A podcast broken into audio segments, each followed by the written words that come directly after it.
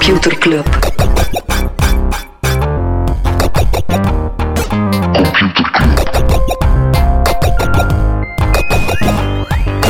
Computer Club. Hey Smolly, Hey Freddy, welkom, welkom terug. welkom. Welkom bij Computer Club, een wekelijkse podcast over technologie.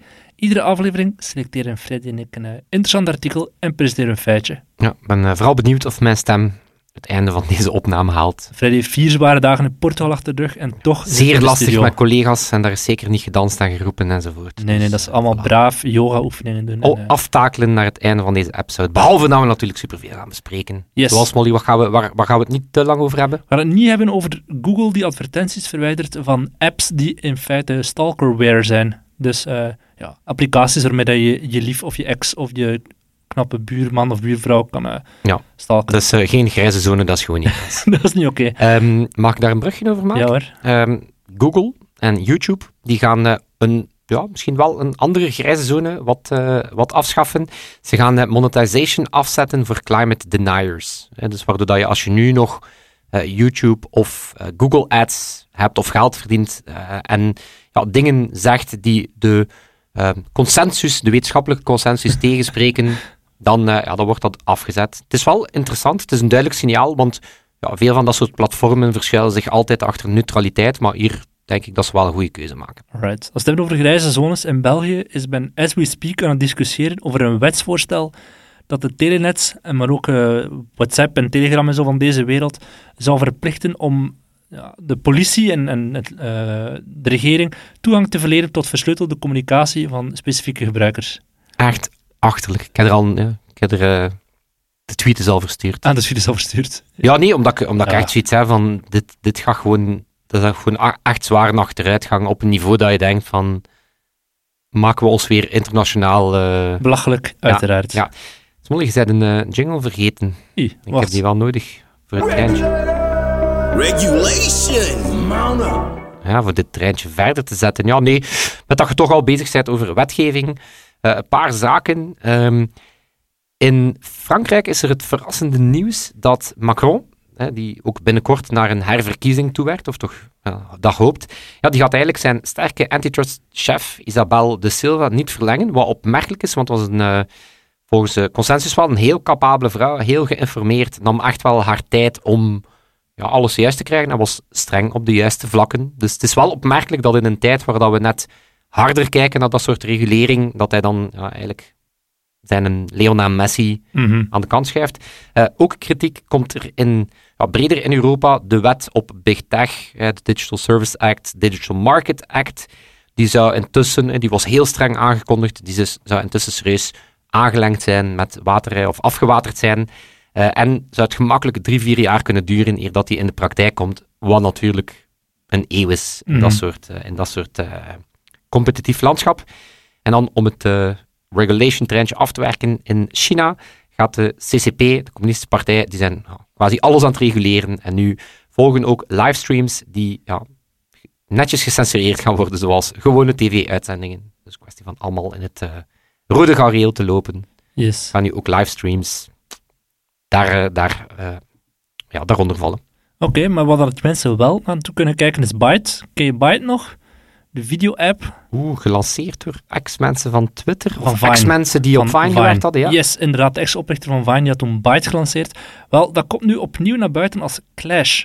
Uh, dat was inderdaad opgericht door de ex-oprichter van Vine en is toen verkocht aan eh, een concurrent genaamd Clash, toen dat de TikTok-ban niet doorging. Weet je nog, de TikTok-ban? Dat we dachten dat TikTok eh, niet meer ging mogen bestaan. Ja, toen zijn ze dus verkocht aan Clash. Ehm, nu komt de app Byte opnieuw naar buiten als Clash en zien het niet als een concurrent van TikTok, maar eerder als een concurrent van Patreon. Dus weer inzetten op die monetization en zo.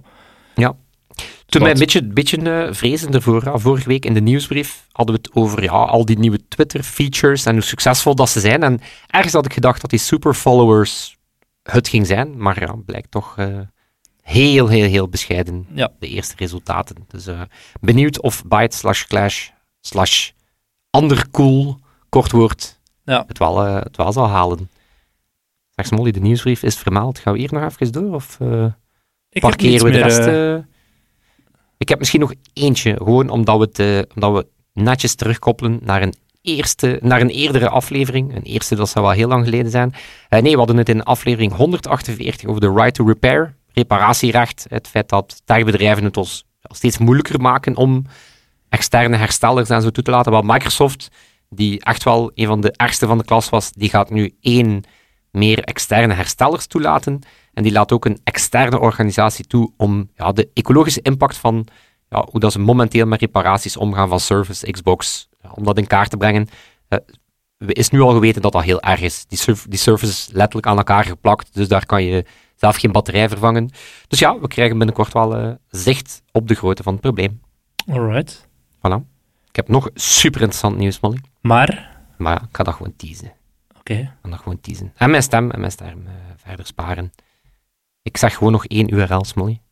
Vertel. Nieuwsbrief.computerclub.online. Perfect. Daar kunnen we inderdaad, daar kun je abonneren op de nieuwsbrief die iedere week verstuurd wordt. Met heel veel extra nieuws dat we niet bespreken. Voilà. En nu, nu ga ik, uh, ja, nu ga ik Thomas. Smolders uh, laten spreken en ik ga hem naar mijn doen wellicht heel weinig onderbreken. Top, zo hoor ik het graag. Freddy, ik ga mezelf wel even een jingle geven. Streaming. Want mijn artikel gaat over Netflix. En de populairste Netflix-shows van dit jaar, die hebben iets heel bijzonders. Ik ga je niet laten raden, want ik weet, je wil je stem sparen. Maar de, de, shows van dit jaar, die zijn allemaal niet Engelstalig. En dat is echt wel heel bijzonder. Mm Het Koreaanse Squid Game staat in uh, eh, 90 landen als allereerste.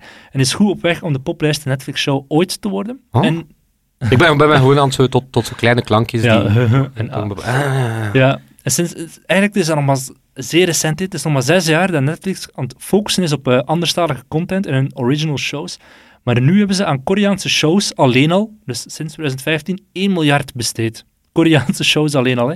En het succes van Squid Game, dat zorgt er uiteraard ook voor dat andere Aziatische content op Netflix echt aan het boosten is. Bijvoorbeeld Alice in Borderland stijgt zeer sterk in het aantal mensen die eraan kijken. En um, Bloomberg heeft er een heel mooi artikel over geschreven, over het feit dat dat misschien wel de grootste legacy zal zijn van Netflix. Het feit dat ze de entertainment business hebben kunnen globaliseren.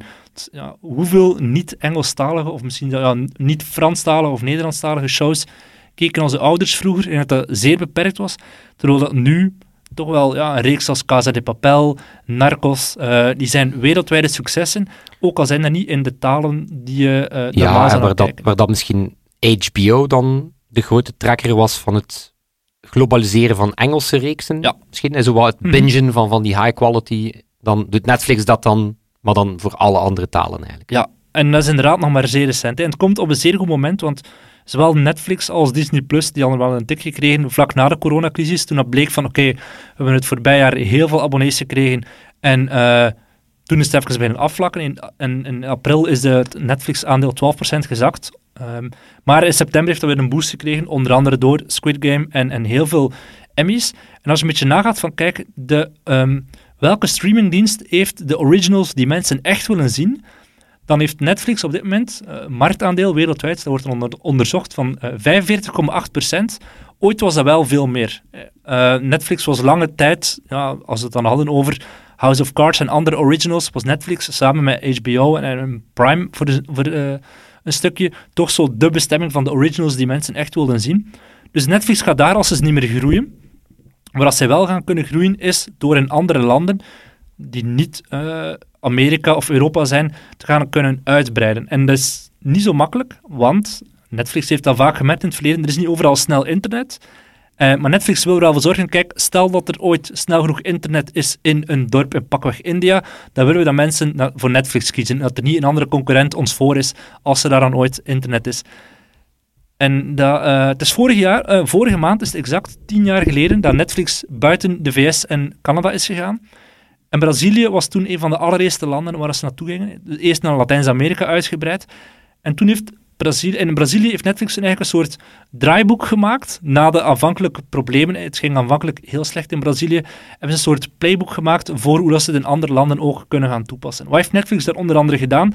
Ze, hebben toen, uh, ze moesten sowieso webservers installeren en ze hebben die ook beschikbaar gesteld aan de lokale telenets, zodat zij ervoor kunnen zorgen dat er makkelijker snel uh, internet was in heel het land.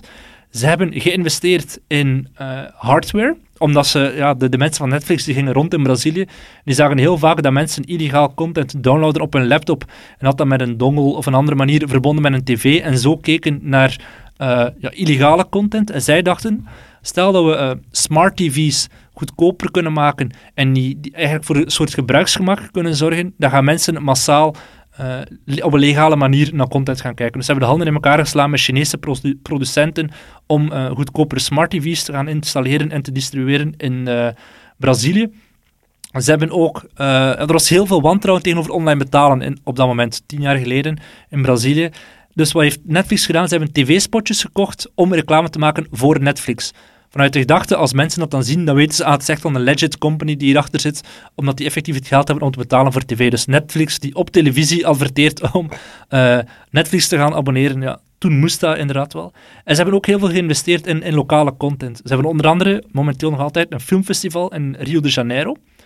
Ze zijn dat playbook gaan uitbreiden naar een heleboel andere landen. En dat zie je dat ze nu ook in India, Zuid-Korea, Japan en Nigeria echt zwaar aan het investeren zijn in nieuwe reeksen die specifiek voor die landen bedoeld zijn en die dan, als ze daar aanslaan, ook voor andere landen uh, kunnen gebruikt worden. In Europa zou het zelfs verplicht worden. Het is nog altijd discussie over, want de EU die wil dat streamingdiensten als Disney Plus of Netflix 30% van hun uh, content moet van Europa komen. Ja, en ze hebben dan gemakshalve, nemen ze de UK er gewoon even bij Europa, ook al zijn die niet meer van Europa, uh, om, om de regel ook niet te streng te maken. Maar dat is wel waanzinnig. Hè? Dat is één of de drie shows zou moeten van Europese. Uh, ja, wat vinden, wat vinden daarvan?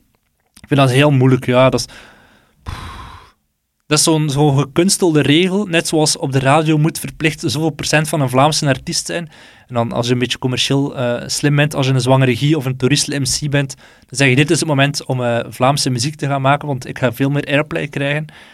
Ik vind dat zeer moeilijk om... Uh... ik, vind, ik vind het ook een moeilijke, want ik snap van waar dat hij komt en hij kan veel in beweging brengen. Ik denk dat je mhm. anderzijds ook wel echt moet zorgen dat je lokaal productielandschap dan mee kan volgen en zonder te veel uit de biecht te praten, nog met VRT-sessies mhm. begeleid rond dat soort distributie. En ergens is het zelf gevaarlijk voor je lokale omroepen als je te sterk de Netflixen van de wereld enabled, dan maak je net weer je eigen omroepen ja, ja. zwakker, want dan gaan die al die productiehuizen die gaan gewoon financiering zoeken bij de, bij de Netflix van de wereld. En dan kan je... Dus het is, ja, het is een... Uh, een mes aan twee kanten mes aan twee kanten yes. ja. We gaan even nog heel kort de brug maken naar Disney, want Disney die heeft in tegenstelling tot Netflix nog niet zo heel veel originals, maar ze hebben het uiteraard wel makkelijker omdat ze in India Hotstar hebben. Ik weet niet of je dat een beetje gevolgd hebt, maar Hotstar was een, een lokale streamingdienst die dan uh, overgenomen is door Disney en die nu als Disney Plus Hotstar in, in India actief is. Onder andere Cricket, Premier League, uh, Indiaanse films. Het is daar nog niet het geval zoals bij Netflix. Het is niet dat wij hier in België die Indiaanse films ook te zien krijgen op Disney+. Plus. Dus het is wel nog iets specifiek voor India. Maar toch merk je dat bij Disney dat ze haar, grote producten heel veel aan het shiften is. De laatste Marvel, Marvel film was Shang-Chi and the Legend of the Ten Rings. een volledig Chinese cast. Er komt nu een nieuwe uh, Eternals, met ook bijvoorbeeld Harish Patel, een Indiër. Uh, ja. hilarisch, hilarisch om die man zijn oeuvre te checken. Ja, en dan merk je ook daar, ze voelen, dat is dan vooral commercieel. 2020 was misschien een raar cinemajaar, maar de twee meest lucratieve films waren The 800, um, dat een omzet van, ik moet even bekijken, 461 miljoen, waarvan 460 miljoen uit China kwam, en Demon Slayer Mugen Train met een omzet van 452 miljoen, waarvan er 364 miljoen uit Japan kwamen. Dus ja, Disney is uiteraard meer uit commerciële overwegingen. Dat is met een uh, Shang-Chi nu afkomen als film. En niet meer alleen de witte uh, Amerikaanse superheld aan bod laten komen. Nice. Mag ik nog één stukje aanreiken? Ik vond het wel interessant, omdat je inderdaad sprak over het versterken van ja, het kunnen streamen in bepaalde landen. Mm -hmm. uh, blijkbaar is Squid Game zo populair dat een, uh, een Zuid-Koreaanse ja, telco uh, Netflix gaat aanklagen omdat ze gewoon door het succes van Squid Games te veel bandbreedte gebruiken. En um, ja, dat is een hot topic in netneutraliteit. Hè. Van, van... Moeten de streamingdiensten meebetalen? Ja, voor omdat je ergens verbruiken ze natuurlijk mm -hmm. enorm veel traffic, maar je wilt niet, dat is heel oninteressant vanuit competitief standpunt dat een bepaalde telco zegt, ah, met Netflix zijn wij copain copain en mm daar telt het niet. En voor die moet je betalen. Ja, dat is ook niet aan een telco om dat te gaan uh, nope. Ja. Um, misschien in, in dat kader, omdat je ook zo tv's vermeldde, in Engeland heb je Sky. Ja. En die gaan, eh, net zoals Amazon, dat stond ook in de nieuwsbrief, ook eigen tv's gaan maken. Dus daar zeggen ze ook van, ja, oké, als wij enkel de Digibox zijn, dan zijn wij echt gewoon een vredelde app op die smart tv's. Dus die proberen nu ook op die ja, tv-UI Mhm. eh, zich in te, in te nestelen. Ik vind, dat, ik vind dat opmerkelijk. En zo de concurrenten uiteraard moeilijker maken om op die tv's eh, te bekijken te zijn. Smolly, mijn stem is uitgerust. Zeker als je mij nu nog Een jingle twee seconden injingelt, dan ben ik er klaar voor. Computerklas. Yes, Smolly. Wat gebeurt er op 31 oktober? 31 oktober. 31 oktober. Halloween? Ook. Nee, is dat? Ja. Ja, ik weet het niet. En, ja, maar het is ook een jaarlijks fenomeen, net zoals Halloween, die eh, jaarlijks gebeurt rond die periode en waar dat er ook heel veel vergeten discussies over zijn. Winter- en zomertijd. Ah. We gaan terug naar wintertijd. En ja, daar hebben mensen dan heel sterke meningen over. Van, nou, zijn de voordelen de nadelen waard? En wat met je slaap? En eh, et cetera, et cetera. Maar ik ben eens gaan uitzoeken. Hè, dus we gaan daar enorm veel discussies over hebben. Maar een computerklasje om dan mee uit te pakken, hè, want daarvoor doen we het. Hoe werkt dat technisch? Hoe werkt winter- en zomertijd ja, technisch op een computer of op een, op een smartphone? Is dat, is dat iets dat... Zit dat in de hardware ingebakken? Gebeurt dat door software? Vroeger was dan- inderdaad, zo tien jaar geleden had je een smartphone, dan wist je niet, is dit nu automatisch verzet? Ja, Ja, nee? nu zijn we het intussen gewend. Hè, maar dan is de vraag van, eh, moet die dan aanstaan? Eh, moet die verbonden zijn? Mhm. Dus ben eens ja, door de geschiedenis gaan kijken. En de eerste PC, ja, effectief de eerste PC, die IPM-PC, die had, die had wel degelijk een real-time chip voor de klok op, op het moederbord. Dus die kon zelfstandig, hè, zonder dat de software moet aanschieten, een verschil maken tussen beide. Maar ehm, na drie jaar eh, kwam er al een andere wet in de VS en dan was de hele eh, hardware-architectuur alweer achterhaald en het werd ook enkel in de VS. Dan hadden we op DOS, ehm, ja, dan ging het operating system, hè, zo die eerste Mhm. MS-DOS, of DOS-Think heette dat toen nog, ja, daar ging het operating system eh, wel gaan tussenkomen, maar die veranderde nog altijd de klok van de, van de computer zelf. Dus daar, ehm, ja, dan moest dat ook aanstaan om dat eh, aan te voeren. En daar is eigenlijk al sinds de jaren 80 consensus over dat dat ook meer nadelen met zich meebrengt. Dus wat doen ja, de, de courante besturingssystemen? ehm, ja, die gaan de, de computer nooit echt aanpassen van tijd. Dus die Mhm. computer die blijft op hardware niveau eigenlijk op Universal, ehm, hoe heet dat, UTC, Coordinated Universal Time draaien. Dus die computer draait eigenlijk het hele jaar door op dezelfde klok. Het enige dat verandert is op operating system niveau is er een functie en die past de tijd puur visueel aan Aha. voor de gebruiker op basis van het land en de regels zoals die daar zijn. Dus die zegt, oké, ik, ik, ben zelf, ik sta, sta zelf in UTC-tijd. Ik reken er enerzijds de tijdzone bij, of ik trek die ervan af, hè, UTC 1, 2 enzovoort. En als er lokale regels zijn, dan telt hij daar ook nog de winter- of zomertijd bij. Ja. Wel, voilà. Tot? Computers en klokken. Het is eh, het scratching the surface, maar ehm, het is ook zo'n topic waar dat je volgens mij echt kan in verliezen. En waar dat er inderdaad experts in bestaan die heel hun leven alleen maar met dit onderwerp bezig zijn. Absoluut, absoluut, absoluut. Ja. Zo, hoe meet je tijd? Hoe, Ja. hoe geef je dat door? Dat Ik stel me zo voor iemand met een heel lange witte baard. Weet je zoals dat Mark Uitroef eh, er nu tegenwoordig uitziet? Ja, maar je hebt... Ja, inderdaad. Nee, maar je hebt... eh, onlangs waren er Facebook-engineers die dat geopen sourced hebben. Is zo... Hoe weet een datacenter echt hoe laat het is? En Ja. dan kan je zeggen, ja, simpel. Die de luister gewoon naar, een- naar de sprekende klok. Ja, maar wat als die verbinding Ja, net ja. niet werkt? Wat, wat met een milliseconde vertraging? Dus hoe meet je objectief de tijd? Bestaat het concept van een sprekende klok nog? Laten we het ontdekken. Ik vind, laat ons de computerclub vertellen het ons. Ja, kijk. Op de zevende biep is het. Wij, wij reiken kennis aan. Alright. Geef je wat terug. Freddy, ja, hij mag me nog wat kennis geven. eh, ik zit nog op mijn honger. Ja. Een heel goed stuk. Ik wil het hebben over een heel goed stuk eh, van The Verge. En eh, het stuk heet Hey Siri, What Happened? Vrij vertaald.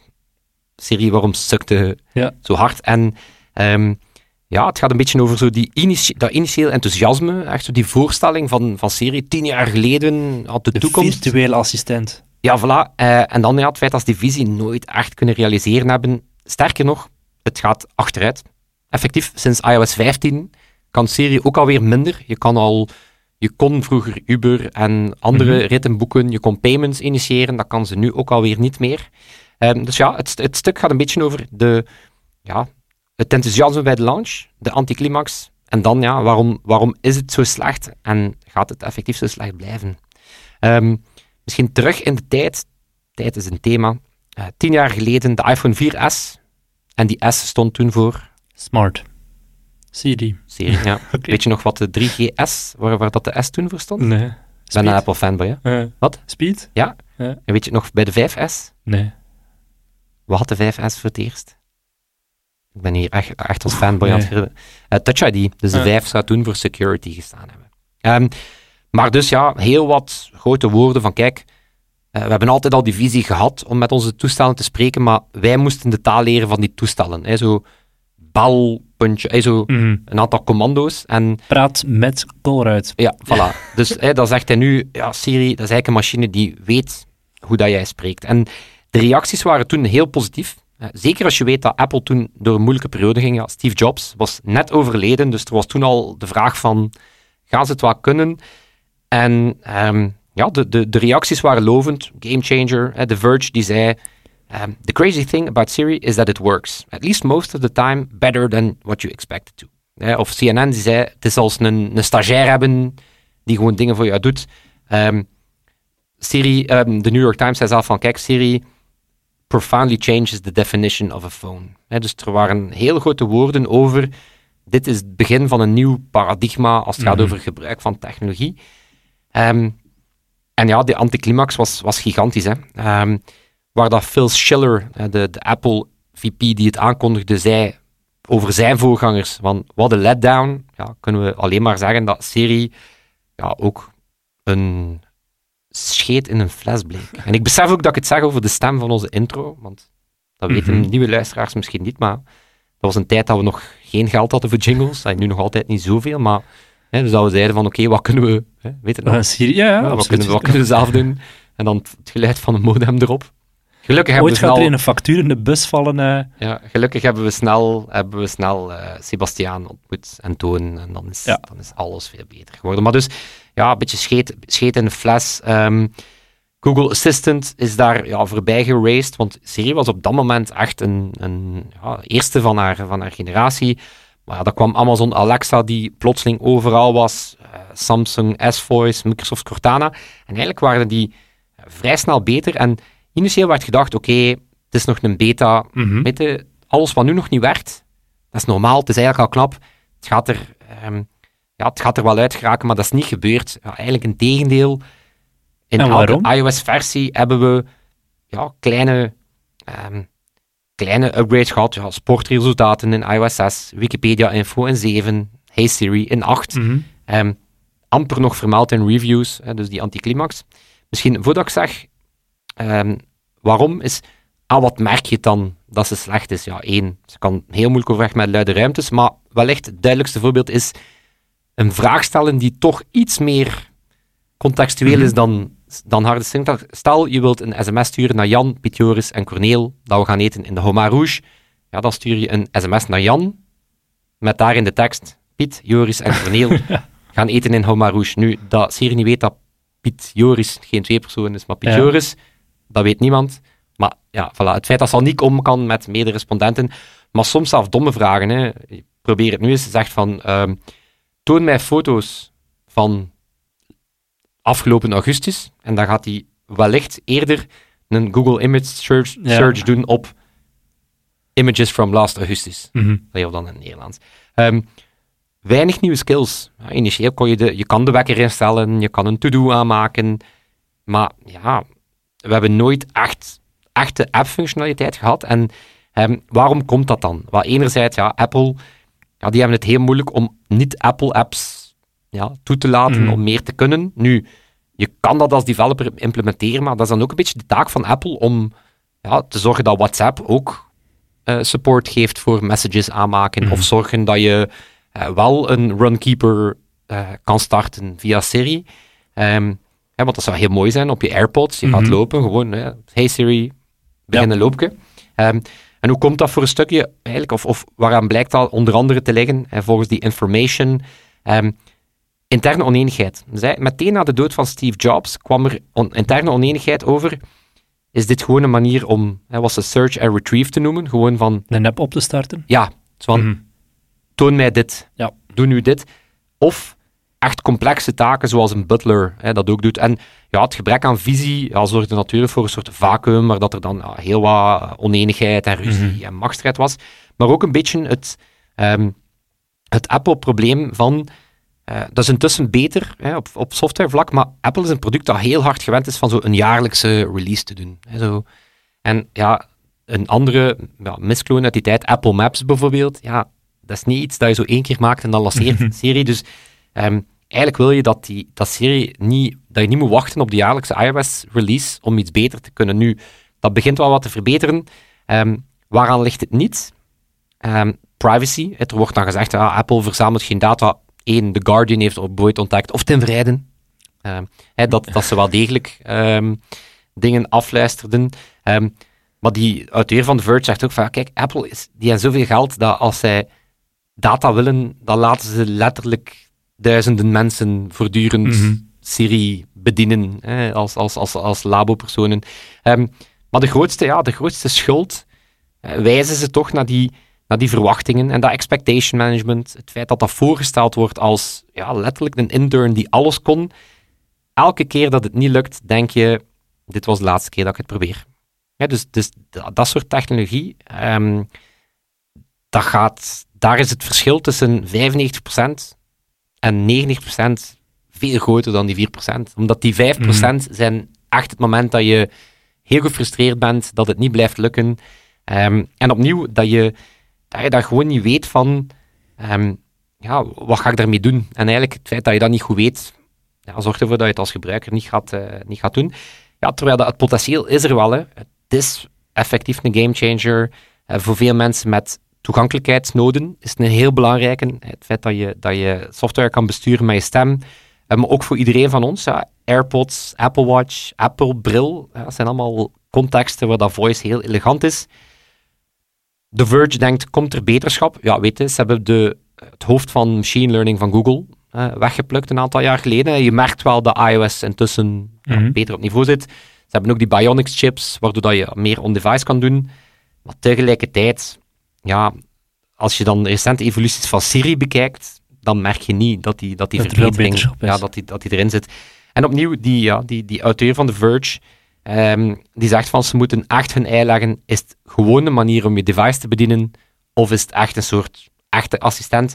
En dan gewoon je marketing afstellen op de realiteit. Want totdat ze dat doen, ja, de, de goodwill is intussen op en mensen stoppen gewoon met te proberen. Mhm. Ja, het zou inderdaad zo aan een switch moeten vergen van stoppen we Siri aan de deur, zijnde aan het begin van de app, of geven we toegang Ja, tot in die app zelf, en, om en daar zo een, een eh, sequentie halen. van acties en Ja. reserveer dit.